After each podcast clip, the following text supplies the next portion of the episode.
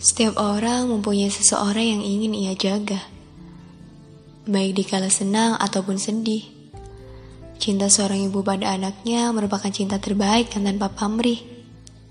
Semoga suatu saat kamu bisa mengajariku untuk mencintaimu, seperti kelak kamu mengajari diri sendiri untuk mencintai anakmu.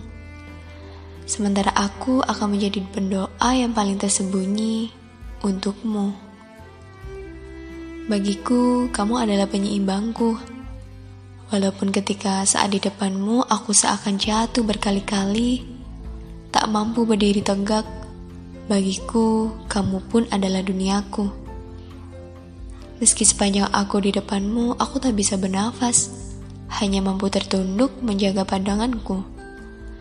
Semoga suatu hari kau datang padaku, membawa pesan yang teramat indah.